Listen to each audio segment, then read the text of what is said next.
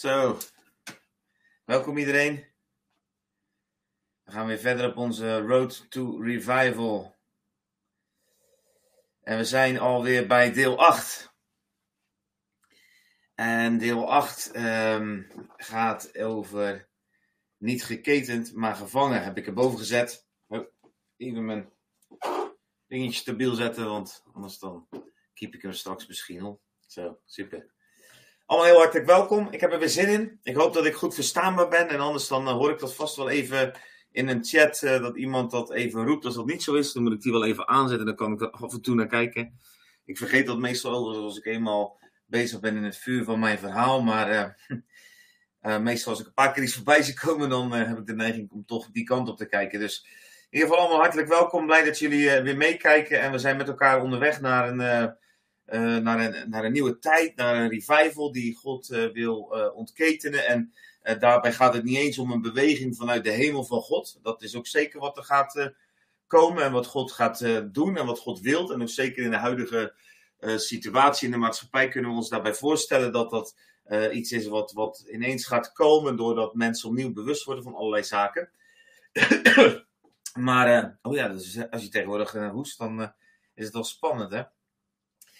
Um, maar dat we vooral ook bezig zijn om te zoeken naar het antwoord op de vraag van um, hoe word ik revival? Dus niet zozeer revival als groot geheel, maar hoe kan ik als persoon revival zijn en revival brengen op de plaats waar God mij gesteld heeft in mijn gezin, in mijn omgeving, uh, met de roeping waar God mij mee geroepen heeft. En iedere christen heeft een roeping. Allereerst hebben we een roeping om God lief te hebben boven alles.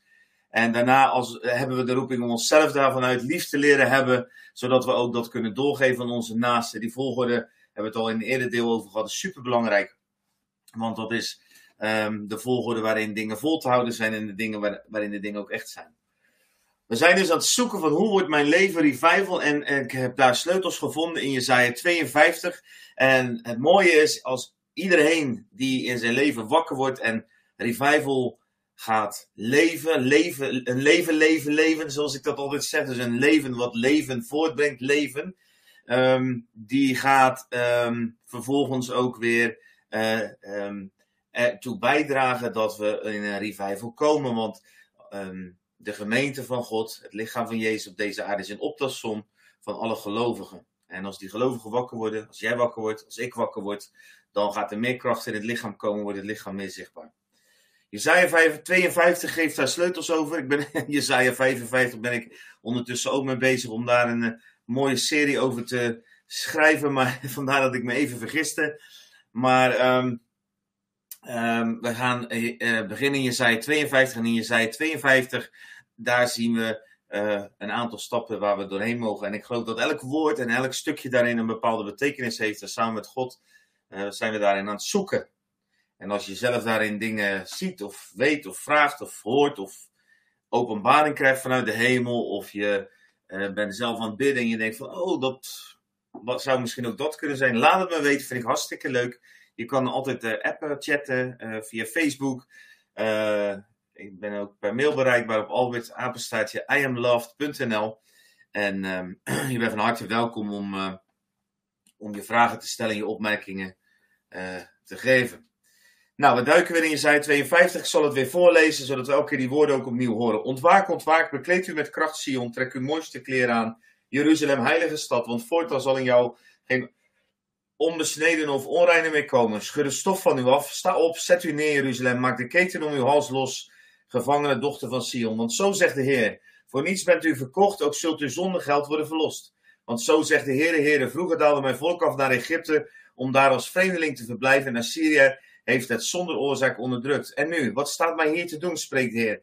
Want mijn volk is voor niets weggevoerd en zijn overheersers doen het weeklagen, spreekt de Heer. En voortdurend de hele dag wordt mijn naam gelasterd. Daarom zal mijn volk mijn naam kennen. Daarom op die dag zal het weten dat ik het zelf ben die spreekt. Zie, hier ben ik. En hoe lieflijk zijn op de bergen de voeten van hem die het goede boodschap, die vrede laat horen, die een goede boodschap brengt voor het goede, die heil laat horen en die tegen Sion zegt, uw God is koning. Een stem uw wachters verheffen hun stem, tezamen juichen zij, want ze zullen het zien oog in oog als de Heer terugkeert naar Sion. Breek uit tegen jubel, juich tezamen, puinhopen van Jeruzalem, Want de Heer heeft zijn volk getroost, hij heeft Jeruzalem verlost. Jezaja 52. Als jullie één momentje hebben, want voor mij staat er iemand voor de deur, ga ik heel even kijken.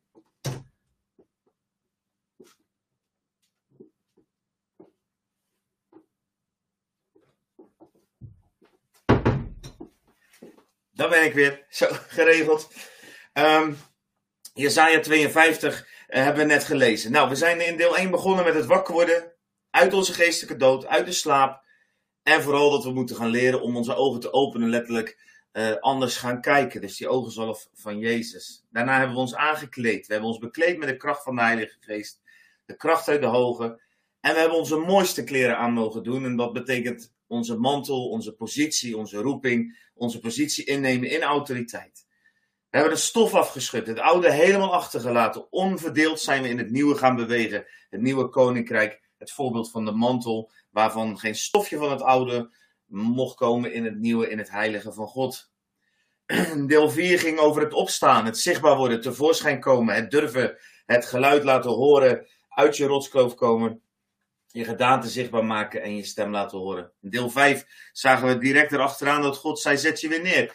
En dat is dus die voortdurende beweging, eigenlijk, hè, die eerste vijf delen, die in ons leven voortdurend door mag gaan. Dus we, we, worden wakker, we, kleden ons aan, we gaan ons stof afschudden, we gaan opstaan en we gaan weer neerzitten in de intimiteit met God, waarin we gevuld kunnen worden, zodat we niet. Um, um, ik heb toen gezegd van, uh, we gieten ons niet uit, maar we vloeien over. We zijn een bron, dus het blijft altijd uit ons voortkomen. En het is niet zo dat wij op een bepaald moment onszelf zo uitgieten dat we helemaal op zijn. Nou, daarna hebben we gelezen, hebben we het gehad over het losmaken van de ketenen, dat we geen slaven zijn. Gisteren, of eergisteren denk ik, want gisteren, ik weet het eigenlijk niet eens meer, hadden we het over gratis en voor niets. Goedemiddag allemaal, leuk dat jullie meekijken. Um, gratis en voor niets, met een vraagteken erachter, want ook al is genade gratis en het werk van Jezus voor ons voor niets, tegelijkertijd is de roeping die Jezus op ons legt, um, is wel een prijs. Het heeft Jezus alles gekost en de vraag van Jezus aan ons was gisteren, mag het ook jou alles kosten? Ben jij bereid om ook alles te geven? Nou, vandaag gaan we in deel, deel 8. En daar heb ik boven gezet, niet geketend, maar gevangen.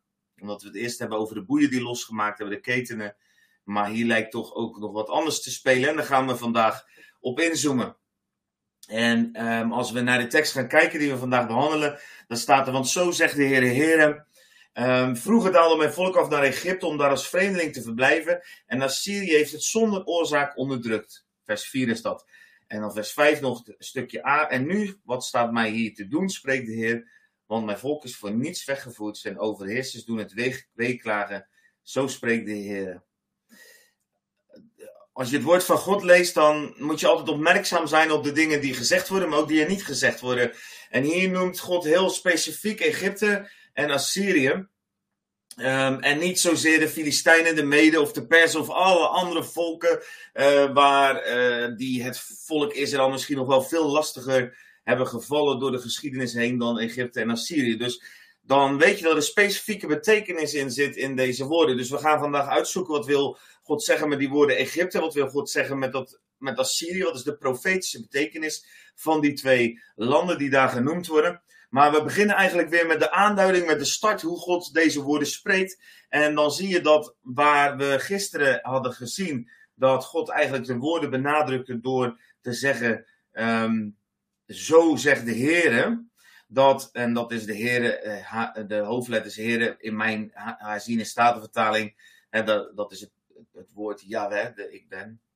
Uh, in vers 4 begint het zelfs nog opmerkelijker, daar staat, want zo zegt de Heere, Heere. En dan staat er eerst Heere met kleine letters in onze Bijbel. Ik gebruik de herziene statenvertaling, ik weet niet precies hoe dat in jouw Bijbel vertaald is, maar eerst staat er met kleine letters, daarachter staat er met hoofdletters in mijn Bijbel.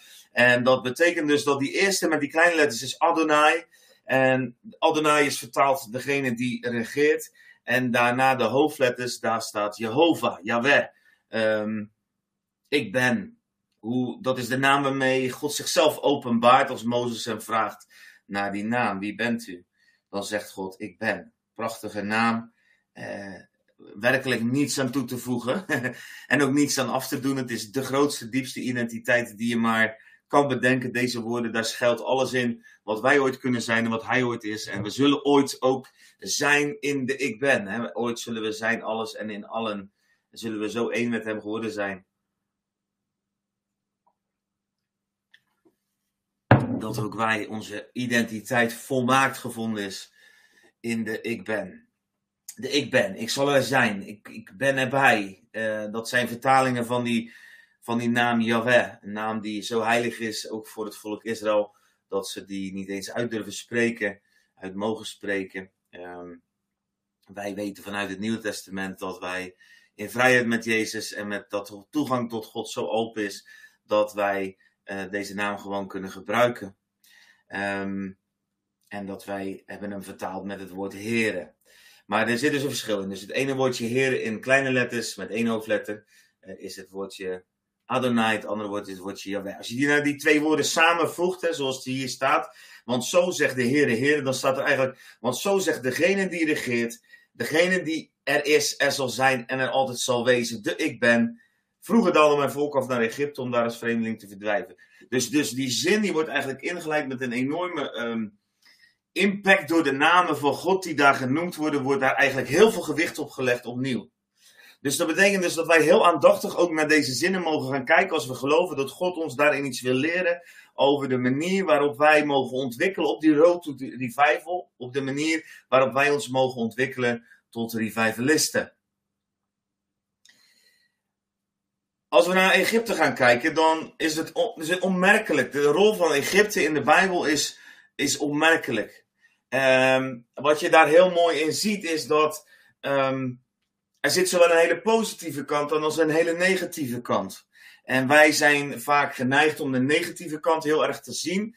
En de negatieve kant ook, um, um, daar wordt ook vaak over gepreekt. Hè? De, de slavernij van het volk Israël in Egypte en hoe ze daar uitgehaald worden. En ook in deze tijd is het actueel hè, dat we nu we leven in een tijd waarin het coronavirus allerlei um, over deze wereld. Wordt er ook gepreekt over het bloed aan de wand, uh, aan de deurposten van je woning.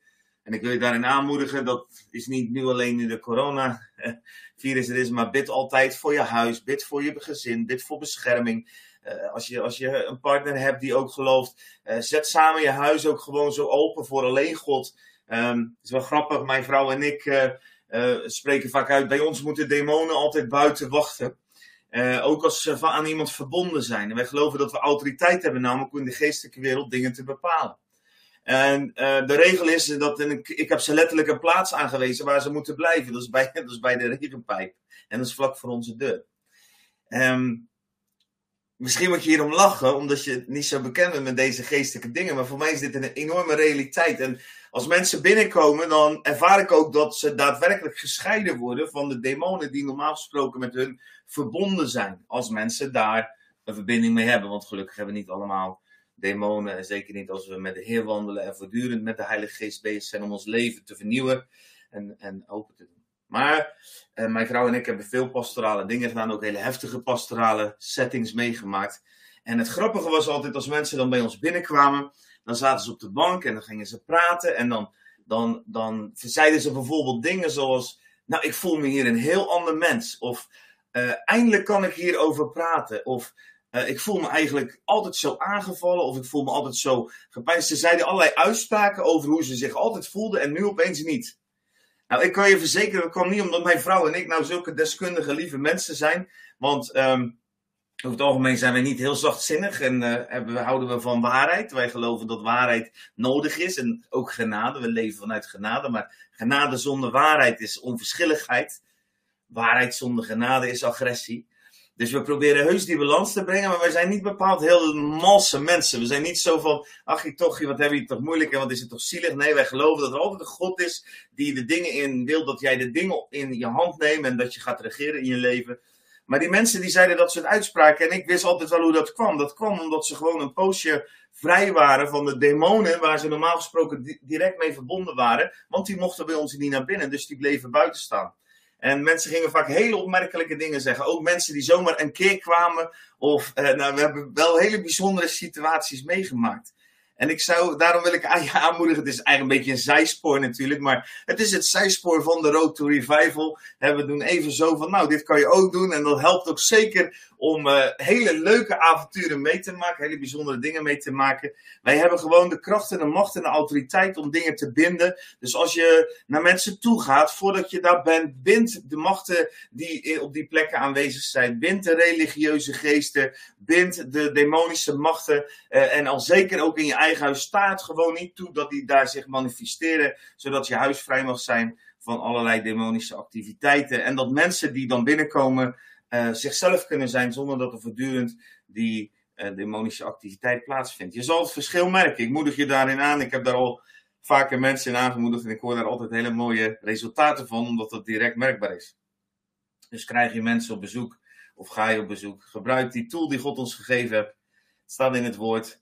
Wat, wat wij binden op deze aarde zal gebonden zijn. En wij mogen dat vrijmoedig doen. Maar dat was niet waar ik naar onderweg was. Ik wilde vertellen dat Egypte, vreemd genoeg, niet per se negatief is. Ook al um, um, zien wij dat vaak wel zo. Ik ga ze even weghalen. Welkom, we gaan zo beginnen, want we zijn natuurlijk al lang begonnen inmiddels. Zo, hoppakee. We zijn begonnen. Nou, we zijn al heel eind op weg. Egypte staat voor Gods genade voor anderen ook. Dat is heel opmerkelijk, want um, Egypte heeft een plaats in de Bijbel. En wij, het, nogmaals, wij zien vaak het negatieve. Maar in heel veel gevallen heeft Egypte ook een hele positieve klank. En um, je moet maar denken bijvoorbeeld aan het, het voorbeeld Jezus is naar Egypte gevlucht. Abraham vluchtte naar Egypte. Isaac vluchtte naar Egypte. Op het moment dat er hongersnood was in het land, vonden ze toevlucht in Egypte. Ik kom daar zo nog even op terug. Voor nu wil ik ook uitleggen dat Egypte ook staat voor de genade voor anderen. Dus Egypte is niet per se alleen maar negatief. Egypte was ook de plaats waar uh, het volk van Israël geplaatst werd, totdat de maat van de zonde van Canaan vol zou zijn. Dat kan je lezen in um, Genesis 15. Toen zei God tegen Abraham, vers 3. Toen zei God tegen Abraham: Weet wel dat uw nakomelingen vreemden zullen zijn in een land wat niet van hen is. Zij zullen hen dienen en men zal 400 jaar onderdrukken. Maar ook zal ik over het volk dat ze zullen dienen recht spreken. En daarna zullen zij met veel bezittingen wegtrekken. Maar u zult in vrede tot uw vader heen gaan en u zult in goede ouderdom begraven worden. De vierde generatie zal hier terugkeren, want de maat van de ongerechtigheid van de Amorieten is tot nu toe niet vol. God kijkt heel anders als wij naar dingen. En um, vanuit een eeuwige balans. God houdt van iedereen. God hield van de mensen. We gaan straks over Assyrië hebben, wat een verschrikkelijk volk dat was. Maar God hield zoveel van Nineveh dat hij zijn profeet Jona daar met veel eh, push heen bewoog om uiteindelijk te zorgen dat ook die mensen daar het evangelie hoorden en een enorme revival uitbrak, want 100.000 inwoners van Nineveh namen God aan als hun koning. God hield ook van de mensen in Sodom en Gomorra los van dat ze zoveel kwaad deden, heeft hij altijd zijn hart uitgegoten. En dat zullen we ook straks nog ontdekken, om hen terug te brengen en om hen uh, zijn wil te, te, te, laten wandelen in zijn wil.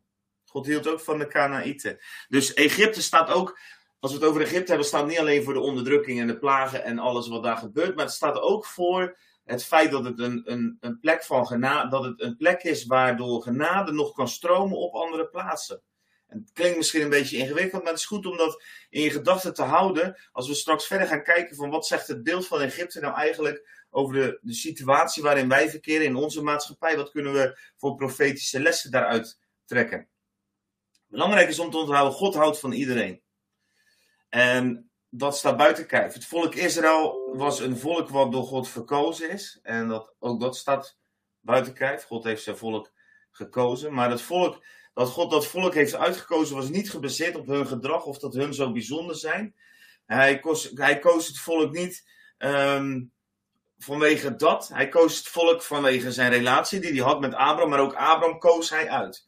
Um, hij koos een volk uit om uiteindelijk te zorgen dat zijn plan volvoerd werd. Niet omdat het volk beter was. Overigens, doordat dit volk dichter aan God geconnect was, zie je wel een enorme zegen op het volk tot op de dag van vandaag. Het volk Israël is ongeluk. Als je naar, naar de geschiedenis van het Jodendom kijkt. En, en ik weet nog wel dat ik niet zoveel in God geloofde. op enig moment in mijn leven, maar toen ik me ging verdiepen, onder andere in het volk Israël, uh, dan is dat een volk wat bestaat uit wonderen en wat bestaat uit zegen. Um, er is geen volk op aarde ooit zo vervolgd als het volk van Israël, als de Joden.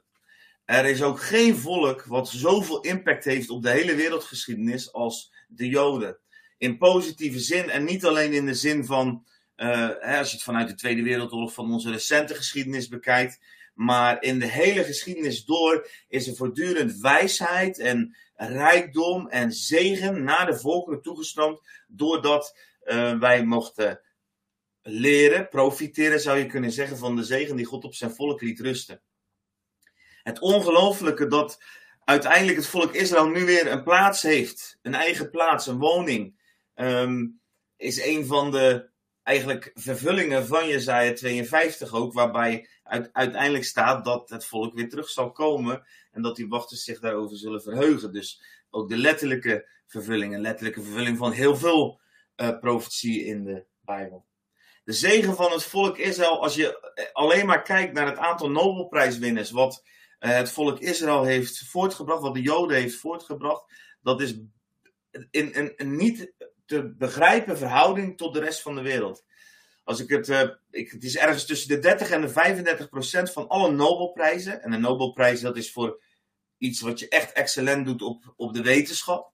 Uh, is uh, gewonnen door mensen met een Joodse afkomst of door Joden. Dat is in verhouding is dat volk nog geen 0,003%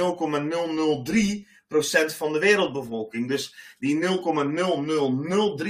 van de wereldbevolking, dus nog geen promiel, 3 promiel, um, betekent dat die hebben zoveel impact en die hebben zoveel zegen van God op hun rusten, dat ze voor 30% verantwoordelijk zijn voor alle Nobelprijzen. Ik begrijp dat dit weer een kleine zijpadje is van de Road of Revival, maar het is ook een pad waarop we bemoedigd kunnen worden dat als wij in de wil van God wandelen, en dat, dat, dat ligt op het Jodendom dat ze um, uh, de, de woorden van God en de wetten van God houden en dat ze daarin wandelen. Niet op een, wij moeten dat niet op een wettische manier doen, maar wij moeten wel begrijpen dat het wandelen in de wil van God ons vrijzet om zegen te ontvangen. En dat die wil van God die geopenbaard wordt in het Oude Testament aan dat uitgekozen volk er ook voor zorgt dat het volk zo geprepared wordt, zo uh, wordt voorbereid, dat er uiteindelijk zegen, zegen, zegen in hun DNA is gekomen, zou je bijna kunnen zeggen. De hele manier van denken vanuit hoe God het volk eigenlijk heeft bereid, levert nog steeds op dat ze excellent zijn op allerlei gebied. Ik vind dat bijzonder. En ik zei net al even toen ik op zoek ging weer naar God, uh, uh, was dit een van de dingen die mij verontrusten. Want ik was een, uh, ervan overtuigd dat God niet bestond. Maar hier ging ik toch wel door twijfelen, juist door de zegen die op het volk rustte. En terecht. Want um, er is gewoon geen volk wat dit zo op die manier kan zeggen. Er is ook geen volk wat zo vervolgd is, waar zoveel pogingen gedaan zijn om het te vernietigen. En wat op de, tot op de dag van vandaag stand houdt. En waarvan wij weten dat het ook stand zal houden totdat Jezus terugkomt. Ook al zal de druk toenemen. Er komt een moment dat Jezus daar de overwinning ook fysiek zal uh, behalen. En dan zal alle ogen hem zien. Ik verlang naar dat moment, dat kan ik u zeggen. Want ik verlang ernaar dat de wereld ook voor een deel uit zijn lijden verlost gaat worden.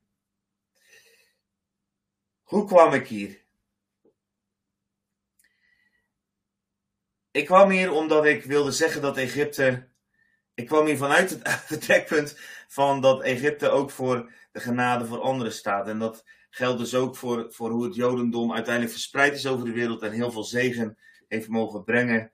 En nou ja, als jij uh, ik ben niet van overal Israël, Israël, Israël, maar ik ben wel iemand die uh, durft te staan voor het volk van Israël, ook uh, daarover durft te schrijven, durft te spreken, er een balans in brengt. Het, het, is werkelijk in deze wereld nog steeds, en ik moet hier natuurlijk niet over blijven, wijzen blijven, maar je moet maar eens kijken naar de cijfers bijvoorbeeld van de Verenigde Naties over het aantal resoluties wat aangenomen wordt in de wereld.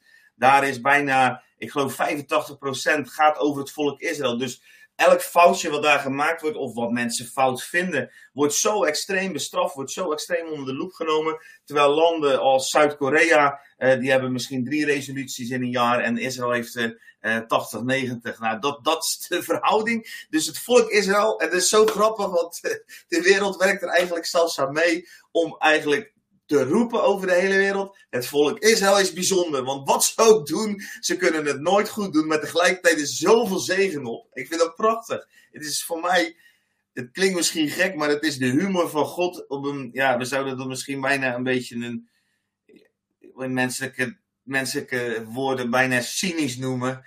Uh, dat God eigenlijk gewoon zijn schouders ophaalt en zegt van, nou, dit is mijn volk. Maar goed, het is niet in de Oud-testamentische opzicht dat ik dit zeg. Het gaat alleen over dat als wij in Gods wegen wandelen, dat wilde ik er wel in meegeven, dan kunnen we dus zegen ontvangen doordat we in zijn wil wandelen, net als het volk Israël. Oké, Egypte staat dus ook voor de tijd van genade die er nog is eh, voor anderen.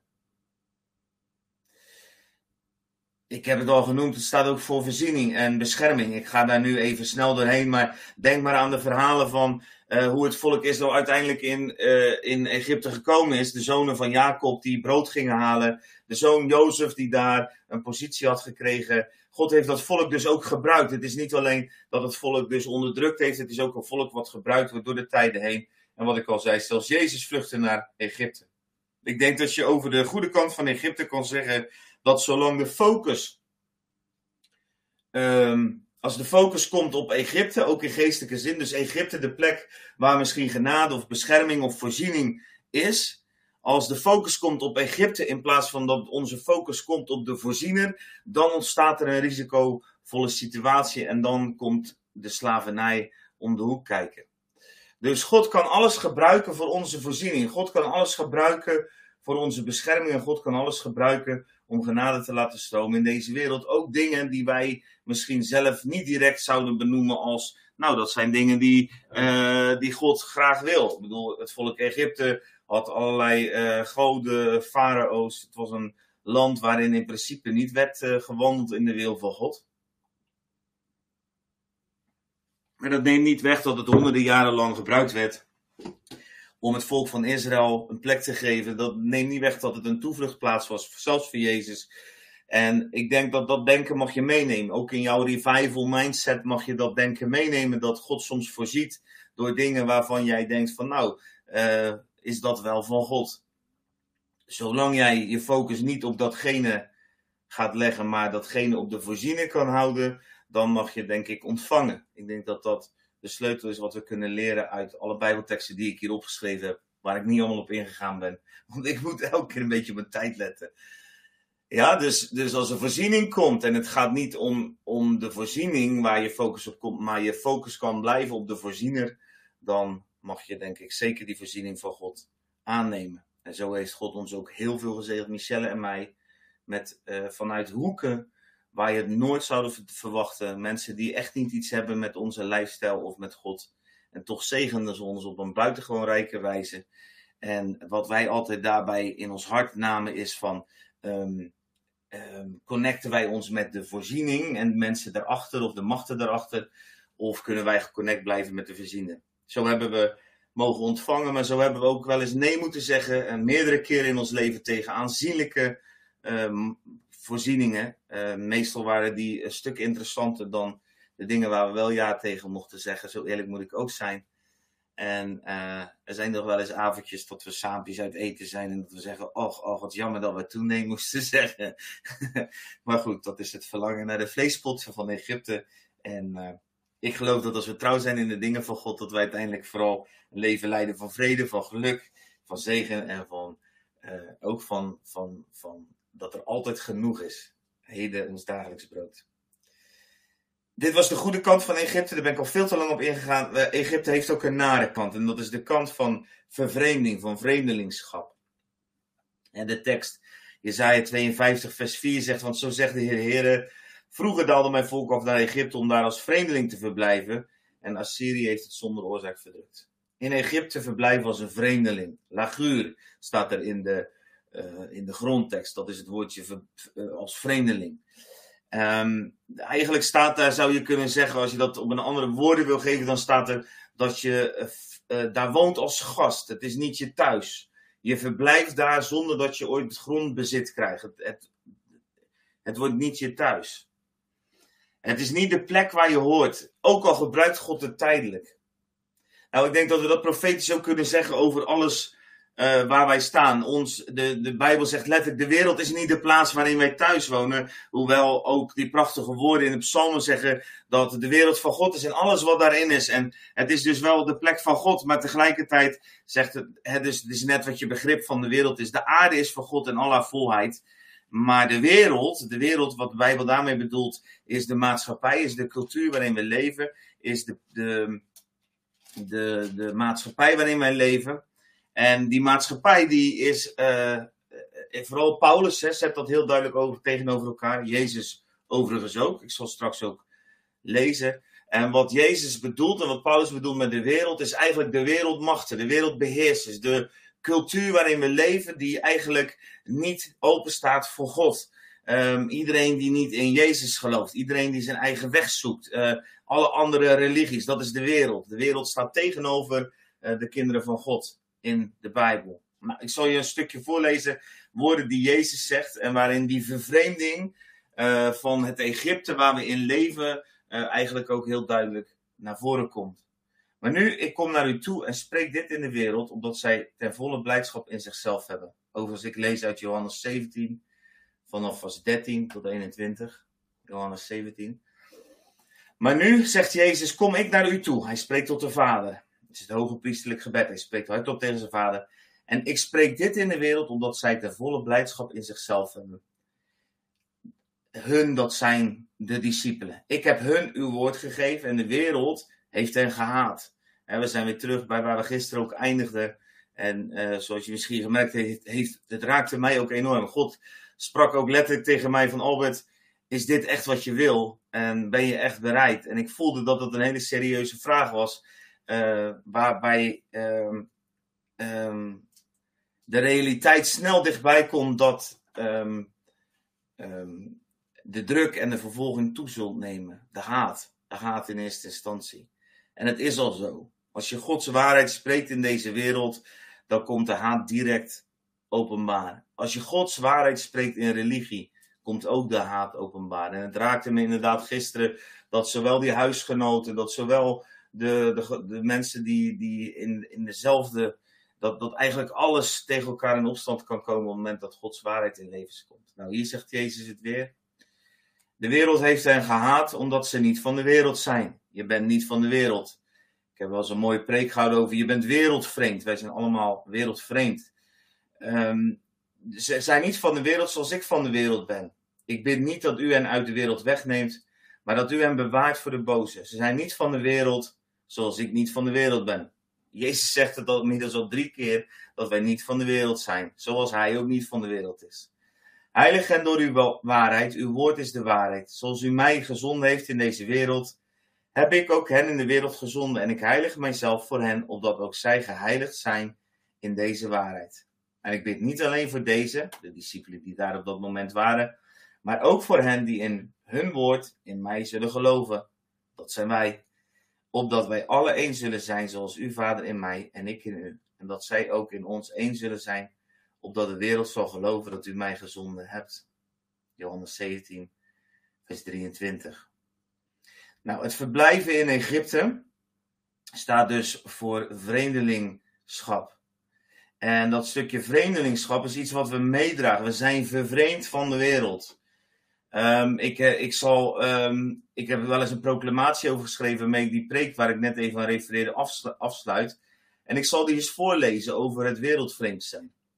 Ik ben wereldvreemd. Ik ben een geliefd kind van God. Een kind, geen slaaf. Ik ben geen knecht, ik ben geen werknemer. Ik ontvang genade op genade vanuit zijn overvloed en mijn erfenis staat vast. Ik ben wereldvreemd. Ik heb lief waar haat woont. Ik heb vrede waar onrust is. Ik zoek eenheid waar uiteendrijving is. Ik zoek waarheid waar de leugen regeert. Ik ben wereldvreemd. Ik ben wel in deze wereld, maar ik ben niet van deze wereld. Mijn vader woont in de hemel. Ik ben een koningskind en zijn koninkrijk is niet van deze wereld. Ik ben wereldvreemd. En er is een vreugde in mij die alle verstand te boven gaat. In de grootste diepte van het leven weet ik me nog gedragen en getroost. Ik ben wereldvreemd, ik ben anders. Ik ben verborgen met Christus in God. Ik ben doodgegaan aan mezelf en mijn fouten, maar ik leef in Christus als een nieuwe schepping. Ik ben wereldvreemd. Ik ben heilig. Ik ben vrij. Ik ben kracht. Ik ben leven. Ik ben licht. Ik ben waarheid. Ik ben genade. Ik ben gerechtigheid. Ik ben het zout der aarde. Ik ben het licht van de wereld. Want Jezus in mij. Hij leeft. Want ik ben van Jezus. En Jezus is van mij. Hij is in mij en ik in hem. Het was even een uitstapje, ik had het even snel opgezocht.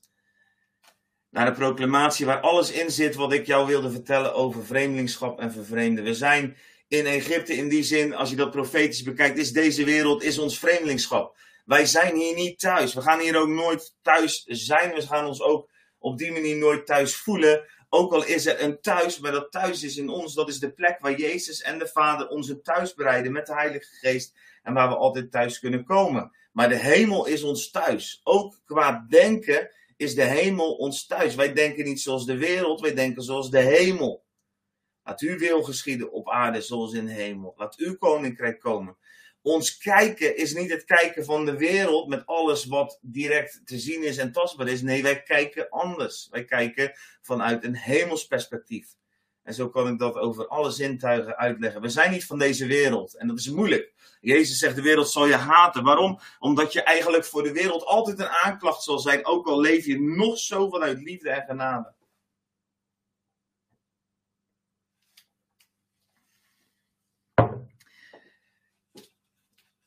Pilatus, we gaan naar, naar, naar Pasen toe, hè, dus de, de Goede Vrijdag, helaas uh, allemaal niet, niet dat we dat met elkaar kunnen vieren dit jaar. Ontzettend verdrietig, want dat zijn de hoogtepunten altijd voor mij van het kerkelijke jaar, als je dat zo traditioneel bekijkt.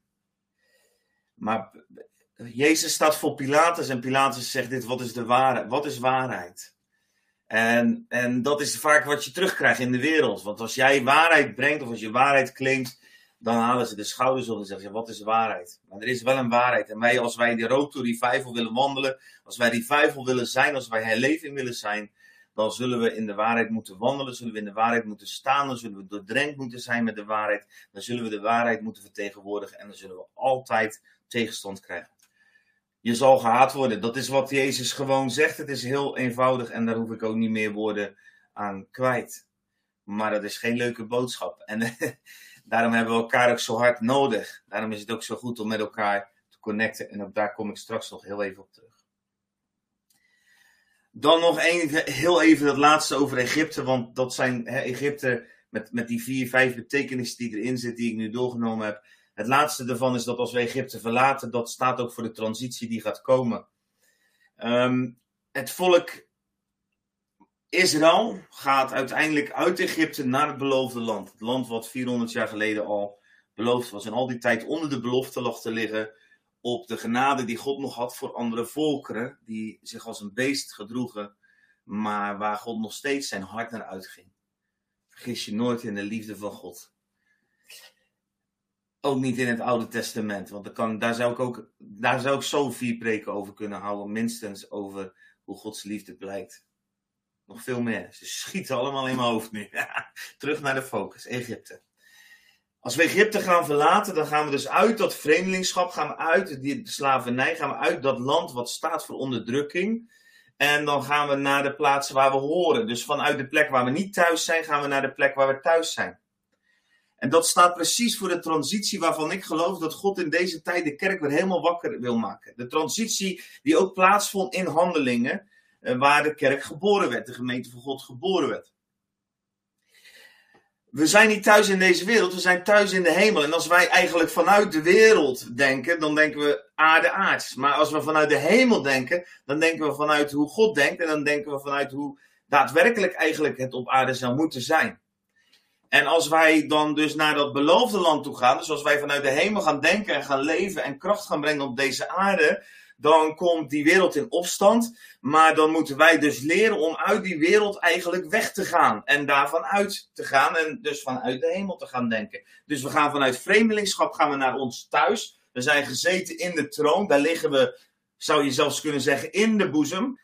In de kolpos, in, in de mantel. Want dat is de plek waar Jezus ook ligt. In de, in de zoom van het kleed van wat hij zegt in Johannes 1. Ehm, als wij beseffen dat dat ons thuis is, dat dat onze plek is dan zijn we dus hier vreemdelingen. Maar dan moeten we dus leren om die plek die daar ons thuis is, eigenlijk op de aarde te laten manifesteren. Dus wij moeten zo gaan leven dat het leven wat wij eigenlijk echt leven in de hemel, het leven en het denken vanuit de hemel, het leven waarin er altijd hoop is, er altijd kracht is, er altijd overvloed is, er altijd vreugde is, er altijd vrede is, er altijd gerechtigheid wordt gezocht.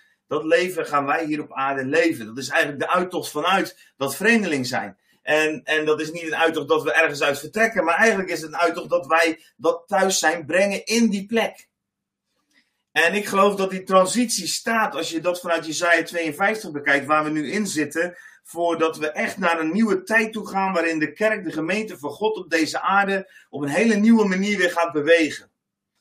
Eh, terug naar handelingen zou je eigenlijk kunnen zeggen, want toen bewoog de kerk ook zo. En die was veel meer onzichtbaar en tegelijkertijd was het overal. Jezus zegt dat ook over het mosterdzaad, het geloof. Dat is, je zal het overal zien en als je zegt hier is het, dan is het daar weer niet. En, en het is overal en nergens en het gaat maar door en uiteindelijk blijkt het overal te zijn. Zo zag de gemeente er in handelingen, uh, in handelingen ook uit. Want die werd verstrooid en overal was het geloof en overal gebeurde er van alles. Maar er waren nog geen grote kathedralen, er waren nog geen grote kerken. Er waren nog geen grote gemeenschappen. En dat wil ik ook niet meer zeggen dat dat verkeerd is. Uh, zeker die gemeenschappen niet. Kerken en kathedralen, dat, dat, dat weet ik niet. Dat, als, als dat vanuit oprechte hart, dat is, daar wil ik geen oordeel over vellen. Maar ik geloof niet dat God per se een kerk of een kathedraal nodig heeft als gebouw in te wonen. Want het woord van God zegt dat hij in ons woont en dat wij zijn tempel zijn.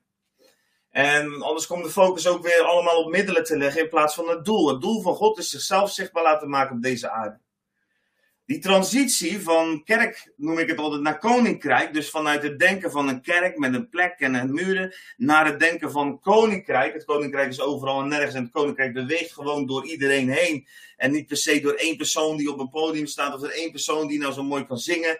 Nee, iedereen beweegt vanuit op zijn plek en zijn positie en zo wordt het lichaam van God zichtbaar dat heeft dezelfde dingen in zich als vanuit Egypte naar het beloofde land gaan. Dat vraagt een totale transitie van je denken en alles wat we niet gewend zijn geraakt, omdat we eigenlijk toch als gemeente van God, als kerk, geleefd hebben in dat vreemdelingschap en dat ook omhelst hebben. En we zijn eigenlijk vooral gaan proberen om als gemeente van God, als kerk, ons thuis te voelen hier in deze wereld. En Daardoor hebben we allerlei concessies gedaan. Daarvoor zijn we mee gaan bewegen. Dat is niet iets van nu de laatste jaren, maar dat is iets wat door de eeuwen, door de kerkgeschiedenis heen altijd plaats heeft gevonden. Er is altijd een vermenging geweest van machthebbers in de kerk, die ook macht wilden in de wereld. En, en dat liep allemaal door elkaar. En heel vaak is die focus dus gelegd op de kerk, op zichzelf, in plaats van het doel, namelijk dat Jezus zichtbaar wordt en verheerlijkt wordt. Dat het koninkrijk van God zichtbaar wordt. Dus die transitie, die, die, die, die eigenlijk God benoemt in Jezaja 52, gaat erover dat als er opwekking komt, dat als het leven weer naar boven gaat komen, dat we dan van kerkdenken naar koninkrijk denken gaan. Dat we van hoorders naar doeners gaan. Dus dat we niet alleen maar dit woord horen, wat nu natuurlijk ontzettend uh, de focus heeft in ons hele kerkelijke wereldje en ons heel kerk zijn, dat gaat eigenlijk vooral over iemand, en ik sta hier nu ook, dus dat is grappig. Die spreekt en een ander hoort. En diegene die hoort, die gaat dan vervolgens daar iets niks mee doen eigenlijk. Over het algemeen moet ik ook heel eerlijk zeggen. Uh, die neemt dat aan en die komt de volgende week zondag weer verder luisteren. Maar het woord is bedoeld als zaad en zaad brengt iets voort. En als bij ons het zaad binnenkomt en het brengt geen vruchten voort, dan is het woord dus niet levend. Het woord heeft dus eigenlijk ook geen zin. Dus ik geloof dat we van hoorders naar doeners gaan. Dat het woord niet alleen meer gehoord gaat worden, want het zal gesproken blijven, want het geloof is door het gehoor. Maar dat het geloof ook daadwerkelijk mensen in actie gaat zetten, zodat het vrucht voortbrengt. Want dan hebben we die revival, dan hebben we die opleving, die herleving. Dat vraagt een proces, dat vraagt doorzettingsvermogen. Dat kan je terugvinden in het volk Israël. Ik zie dat kwart over twee dus ik moet echt snel verder. Um, volg het volk Israël door de reis vanuit Egypte naar de woestijn. En je gaat allerlei dingen tegenkomen. Dat is ook een serie van zeker 15 preken. Waar wij ook doorheen zullen moeten. Als wij willen gaan bewegen vanuit consumptie in de kerk naar daadwerkelijke kracht in de kerk. Ik zie je vraag, Tini. Ik zal hem uh, straks uh, even delen nadat, we, uh, nadat ik klaar ben. Ik ga even snel verder. Assyrië. Assyrië staat voor verdrukking zonder oorzaak. Dat wordt letterlijk in Jesaja 52 ook gezegd. Zonder oorzaak verdrukt. Assyrië heeft mijn volk zonder oorzaak onderdrukt. Nou, die zin die zegt ook precies wat Assyrië letterlijk was in die tijd. Dus als we eerst even kijken naar de letterlijke kant, gaan we daarna naar de geestelijke kant kijken, kort van Assyrië. De Assyriërs waren extreem gewelddadig en hadden daar gewoon plezier in. Dus het was niet met een reden dat ze extreem gewelddadig waren. Het had geen doel. Het was niet om hun land te verdedigen. Zelfs niet om land te veroveren. Zelfs dat zou je natuurlijk een doel kunnen vinden. Of om iets van eten te regelen. Of wat voor doel je ook maar kan verzinnen om gewelddadig te zijn. Er zijn denk ik maar weinig doelen te verzinnen die dat rechtvaardigen. Maar um, ze waren extreem gewelddadig, maar puur voor hun plezier. Dat kan je in de Bijbel tegenkomen, dat kan je ook in allerlei geschiedenisboeken tegenkomen, want het is een, groot wereldrijk geweest, Assyriërs. En er is heel veel onderzoek naar gedaan, ook uh, archeologisch onderzoek. Dat is super interessant om je daarin te verdiepen. Maar voor nu zal ik een stukje uit de Bijbel lezen waarin je iets kan begrijpen van hoe extreem gewelddadig hun waren. Na hun beschreef Nineveh als een leeuwenhol, de stad van bloedvergieten. En die prooi wijkt niet van haar. Er is het geluid van de zweep. Er is het geluid van het geratel van wielen, van paarden en de opspringende wagens. De ruiten te paard, de vlam van het zwaard, het bliksemen van de speer, het grote aantal verslagen en de geweldige massa lijken. En er komt geen eind aan de dode lichamen. Men blijft struikelen tussen hun dode lichamen. Na hun twee en drie moet je maar eens lezen hoe extreem gewelddadig deze mensen waren. Als je, als je in je Bijbel gaat zoeken, staan meer voorbeelden van de meest bizarre uh, manieren waarop ze met hun vijanden omgingen, waar, waarop ze met gevangenen omgingen. Sterker nog, er staat zelfs ergens van dat de grootste dreiging was dat je levend gevangen werd. Zo heftig was het volk van Assyrië, zo gewelddadig. Bij archeologische opgravingen, ook interessant, dan kan je zelfs zien dat de, hebben ze de paleizen gevonden. De muren van die paleizen die waren versierd met afbeeldingen van die afgrijzelijke behandelingen die gevangenen kregen. Ze waren er zelfs dus trots op. Hoe bizar uh, was dit volk? Wat gebeurt er dus doordat ze geweld gebruikten zonder aanleiding of oorzaak, zoals Jesaja 52 ook zegt, de onderdrukking zonder, zonder oorzaak, dat er helemaal geen enkel verband tussen zat. Hè? Dus in Egypte was het nog omdat ze dingen moesten bouwen. En, uh, maar in Assyrië was het gewoon voor de plezier creëerde ze een enorme angst. En vanuit die angst ontstonden allerlei beperkingen die hen oplegden. Nou, wat angst met ons doet, dat is denk ik enorm belangrijk. Ik heb daar ook in de andere delen al wel wat over gesproken om dat te realiseren. Want angst is een machtsmiddel van uh, de Satan.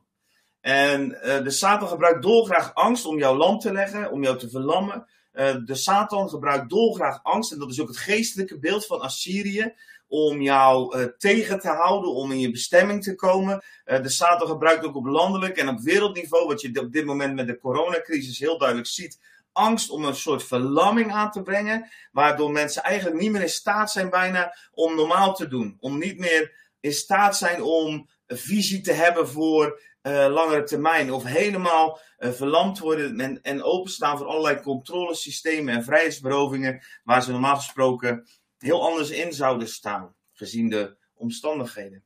En nogmaals, ik, ik pleit hier niet voor dat we uh, niet wijs om moeten gaan met de corona of uh, al dat soort dingen. Want het is heel goed om je gewoon aan de regels te houden. Dat uh, moedig ik alleen maar aan. Maar de angst erachter en de machten erachter mag je wel herkennen. Want wij hoeven niet angstig te zijn. We mogen nee zeggen tegen angst. Want angst is onderdrukking. Nou, wat deden deze Assyriërs bijvoorbeeld, als je het hebt over het gebied van financiën, uh, als je in de Bijbel gaat lezen, kom je telkens tegen dat Assyriërs druk leggen op financiën. Dus de wereld is zo bang voor hen om hen heen dat ze um, alleen al vanuit die angst, zonder dat ze zelfs uh, daar verder iets aan hoeven te doen, kunnen ze hele volken bewegen om als slaven in financiële toestand terecht te komen met grote afdrachten. Je moet maar eens lezen in 2 Koningen 16 en in 2 Koningen 15 uh, hoe dat in zijn, zijn werk ging. En de sieraden vanuit de tempel gaan zelfs die kant op. De, de, de schatkamers van het huis van de Heer. 2 Koningen 16 vers 8. Uh, 2 Koningen 15, daar werden enorme bedragen werden naar het volk Assyrië gebracht. Alleen maar op basis van angst. En angst is iets wat we ook als revivalisten zullen moeten overwinnen. Angst kan nooit onze denken motiveren. Angst mag nooit onze besluiten uh, beïnvloeden. Ja, uh, angst voor mensen, angst voor omstandigheden. En het enige waar wij door beïnvloed mogen hebben is voor ontzag voor God, vrezen des Heren, zoals we dat in de Bijbel ook noemen. Ontzag voor God mag ons beïnvloeden, maar de angst voor mensen, de fear of man, mag nooit invloed hebben op ons leven. En we kunnen toch wat bang zijn. We kunnen bang zijn. Kun je bang zijn om je huis kwijt te raken, je toekomst, je financiën. Uh, um, ik ken het allemaal. En toen uh, we drie weken geleden de crisis begon en mijn vrouw al haar werk kwijt was en ik ook niet wist hoe het verder zou gaan, kwam die angst ook bij ons langs. Van, oh, straks moeten we ons huis uit. Maar we realiseerden ons binnen ongeveer 30 seconden dat ons huis al lang van God was. Dus dat als wij eruit moeten, hij daar ook wel een andere plek voor zou voorzien. En uh, het was al niet van ons. En onze kinderen zijn niet van ons. En we hebben geen bezittingen, want alles is van hem. En alles hebben we uit zijn hand ontvangen. En dat hebben we met dankbaar hart gedaan. En alles mag ook teruggegeven worden in zijn hand op het moment dat dat nodig is. En dat hij andere plannen heeft op een andere manier uh, deze wereld wil gaan bewegen. Angst wordt gebruikt in de maatschappij. Angst wordt gebruikt door lobbygroepen. Als je maar iets verkeerd zegt in bepaalde kringen, dan komt er een stroom van um, agressiviteit komt er gewoon vrij. Waardoor um, niemand eigenlijk meer iets durft te zeggen van waarheid in bepaalde opzichten. En dan heb ik het bijvoorbeeld over identiteitsdiscussies of over um, abortus. Als je iets zegt over abortus, ik schrijf er wel eens wat over.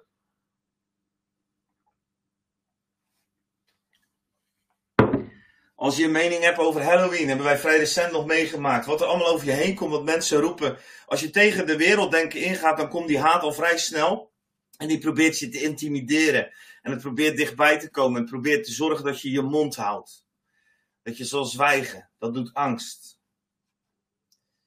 En wij moeten daar doorheen breken. Wij kunnen daar niet in leven. Heel mooi is om, en dan, dan ga ik, ik moet echt opschieten, want ik hou jullie allemaal veel te lang bezig. En um, je ziet in 2 Koningen 18 vers 1 hoe, de, hoe God wil dat wij omgaan met angst.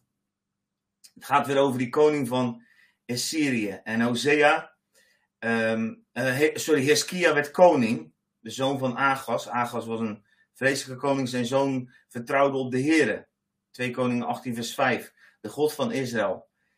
Dat gaat over Hiskia. Zodat er na hem geen gelijke meer was op dat de koning van Juda en ook onder hen die voor hem geweest waren.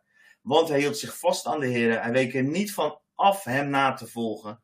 En hij nam zijn geboden, zijn wil, zijn voorschriften in acht die de Heer Mozes geboden had. En de Heer was met hem. En overal waar hij uittrok, handelde hij verstandig. Hiskia was een revivalist, net als dat jij en ik willen zijn. En bovendien staat er dan zo'n mooi, zo'n tussenzinnetje, kwam hij in opstand tegen de koning van Assyrië en diende hem niet meer. Ja, dat vind ik prachtig. Hiskia, die had, leefde vanuit dat, die intimiteit met God. Hiskia was een revivalist. Hij leefde vanuit het leven en hij leefde los van de wereld. En dat bracht hem zover dat hij gewoon in opstand kwam tegen de onderdrukking, tegen de agressiviteit. Hij was niet bang tegen wat er gebeurde. Hij ging gewoon zijn ding doen en dat deed hij met God. En hij voelde de zegen van God op zijn leven rusten. En ik wil jou ook daartoe oproepen dat je ook durft om op te staan tegen dat wat de angst probeert te verlammen in jouw denken, in je gezin soms al, of in je huwelijk of in je relatie. Dat je die angst mag doorbreken, zo net als Hiskia, dat je in opstand mag komen tegen die angst uiteindelijk zou ik nog heel veel kunnen vertellen over hoe uh, Assyrië gaat ook over het liberale denken waarin wij leven en hoe angst daar uiteindelijk de onderste liggende motivatie van is. Omdat dat een plek waar alles maar mag, dat is uiteindelijk de plek waar de sterkste overwint en waar angst regeert. En dat is heel kort samengevat de maatschappij waarin wij leven, waarin het liberale denken eigenlijk domineert. Maar het liberale denken is niet liberaal, want dat legt jou op dat iedereen van alles mag vinden, behalve als je niet vindt wat iedereen mag vinden. En dat gaat zich alleen maar verder evolueren zoals dat in de geschiedenis altijd is geweest, tot een systeem waarin je gedomineerd wordt en waarin er geen vrijheid is behalve de vrijheid van de machthebbers en niet zozeer de vrijheid van individuen. En ik geloof dat wij daartegen in opstand mogen komen door te spreken, door als je kijkt naar de praktijk van abortus, er zijn verschrikkelijke dingen die hier plaatsvinden. En, en daar, daar mogen wij gerechtigheid, Gods wil in blijven verkondigen. Daar mogen wij Gods wil in zichtbaar. En dat geldt op alle andere ethische vlakken. Daar mogen wij blijven spreken. Nou, wat kunnen wij doen? Ik ga stoppen, want het is alweer half drie bijna. Wat kunnen wij doen? Wat kunnen wij doen? Wij mogen in opstand komen, zoals Iskia. We mogen in opstand komen, zoals Jona. Hij kwam in opstand allereerst tegen God, maar vervolgens met zijn hele eigen gereide karakter was hij juist wel krachtig genoeg om een stad binnen te gaan met honderdduizend vijanden en daar de waarheid van God te verkondigen. En God werkte met hem mee en er kwamen er uh, honderdduizenden tot Jezus of tot geloof. In die tijd was, was het niet tot Jezus, maar uh, ze conformeerden zich aan de God van Israël. En we kunnen in opstand komen zoals de Israëlieten door ons uit te schreeuwen naar God en dat God met ons mee gaat werken om ons te bevrijden als wij onder invloed zijn van de wereldgeesten. En we mogen in opstand komen zoals Jezus in opstand kwam. En Jezus die kwam als volgt in opstand. Hij was gezalfd en met de Heilige Geest en met kracht is hij het land doorgegaan terwijl hij goed deed. En alle die door de duivel overweldigd waren genas. Want God was met hem. Handelingen 10 vers 38. Als wij in opstand komen, ik noem het maar even zo, want het is eigenlijk niet in opstand komen. We komen in de wil van God. Maar de wereld zal dat ervaren als dat wij in opstand komen. Doordat wij andere dingen gaan spreken vanuit de hemel. Doordat we andere dingen gaan doen. Doordat we iets vanuit de hemel zichtbaar maken op deze aarde. En um, dan komen we eigenlijk in opstand tegen de systemen om ons heen. Tegen de denksystemen die niet vanuit de hemel zijn. Tegen de gedachten en de filosofieën die ons overheersen. Maar waar God niet in te vinden is. En dat doen we met woorden, maar dat doen we ook met daden. Dat doen we ook door de liefde van God zichtbaar te maken zoals Jezus dat deed. We mogen in opstand komen. Revival is altijd het gevolg van gebed. Als je in de geschiedenis kijkt, dan is dat altijd zo. Want als je ook kijkt naar Jesaja 52, en daarmee ga ik eindigen wat er eigenlijk staat in vers 4 en 5, dan staat er ook uh, wat staat mij hier te doen, spreekt de Heer, want mijn volk is voor niets weggevoerd. Zijn overheersers doen het weeklagen. En als je in de geschiedenis van Israël kijkt, is er elke die druk. En uit die druk gaan mensen weer roepen tot God. En als wij niet verdoofd zijn door de wereld, als wij los zijn van het denken van de wereld, dan zullen we ook ervaren dat die druk in deze tijd enorm is en dat die alleen maar toeneemt op dit moment. En als het goed is, gaan wij dan het uitschreeuwen naar God. En als wij het uit gaan schreeuwen naar God, dan gaat God bewegen. God beweegt op ons geroep. Mijn volk, als je 2 Kronieken 7, bekende versen 7 tot, van 14 tot 16, 2 Kronieken 7, 14 tot 16. Mijn volk waarover mijn naam is uitgeroepen, in ootmoed buigt en bid, en zij mijn aangezicht zoeken en bekeren van hun slechte wegen, dan zal ik vanuit de hemel horen, hun zonden vergeven en hun land genezen. Mijn ogen zullen open zijn, mijn oren opmerkzaam zijn op het gebed van deze plaats. Want nu heb ik dit huis verkozen en geheiligd, zodat mijn naam daar tot in eeuwigheid is. Alle dagen zullen mijn ogen en mijn hart er zijn. Dit gaat over de tempel, eh, de inwijding van de tempel. Salomo die daar bidt tot God en dit is het antwoord van God.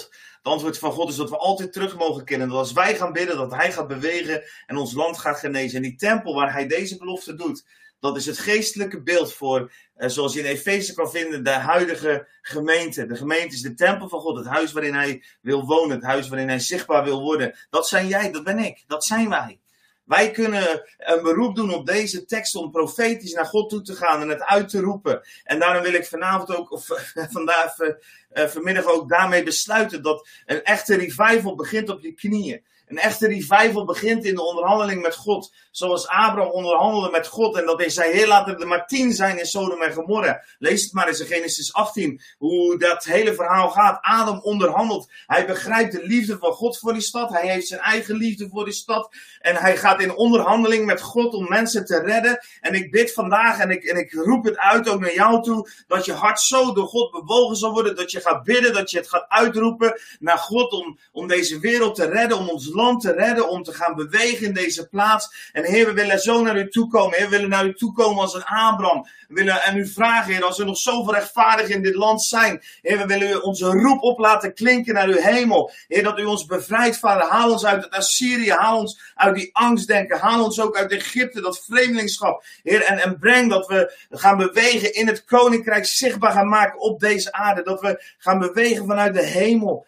Vader, op dit moment wil ik zo mijn handen uitstrekken en wil ik u zo vragen om ons te vullen met uw kracht, met uw vuur, met uw wijsheid, met uw glorie, met uw heerlijkheid. Vader, vul ons, vul onze tempel met uw Heilige Geest, zodat we daadwerkelijk kunnen bewegen in deze wereld en daarin een verschil kunnen maken.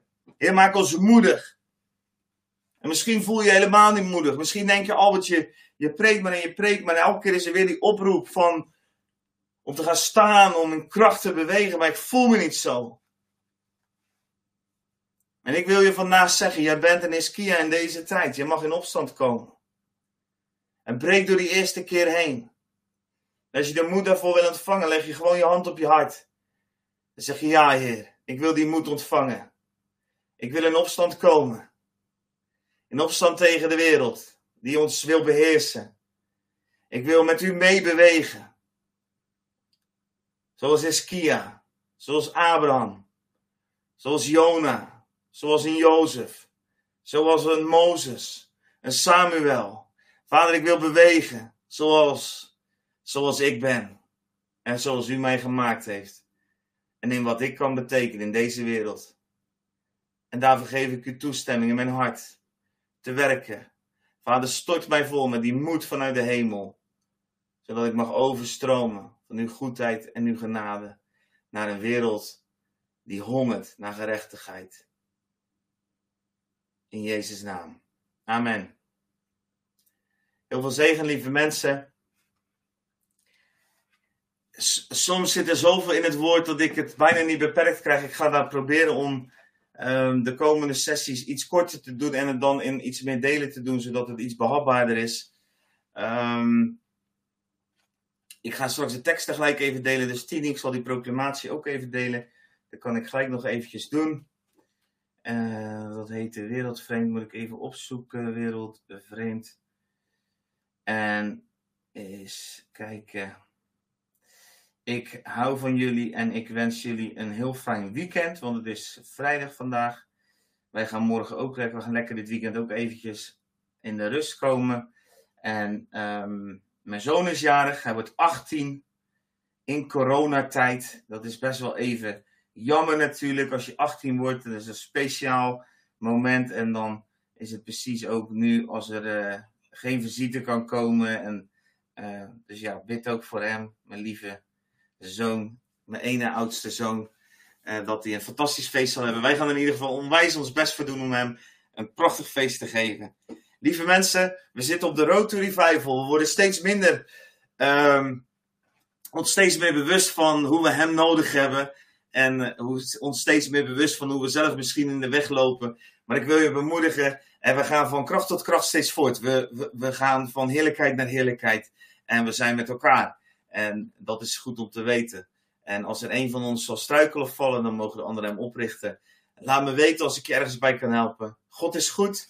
Heel veel zegen. Geniet van het weekend. Ondanks alle uh, quarantaines en weet ik veel wat voor regeltjes.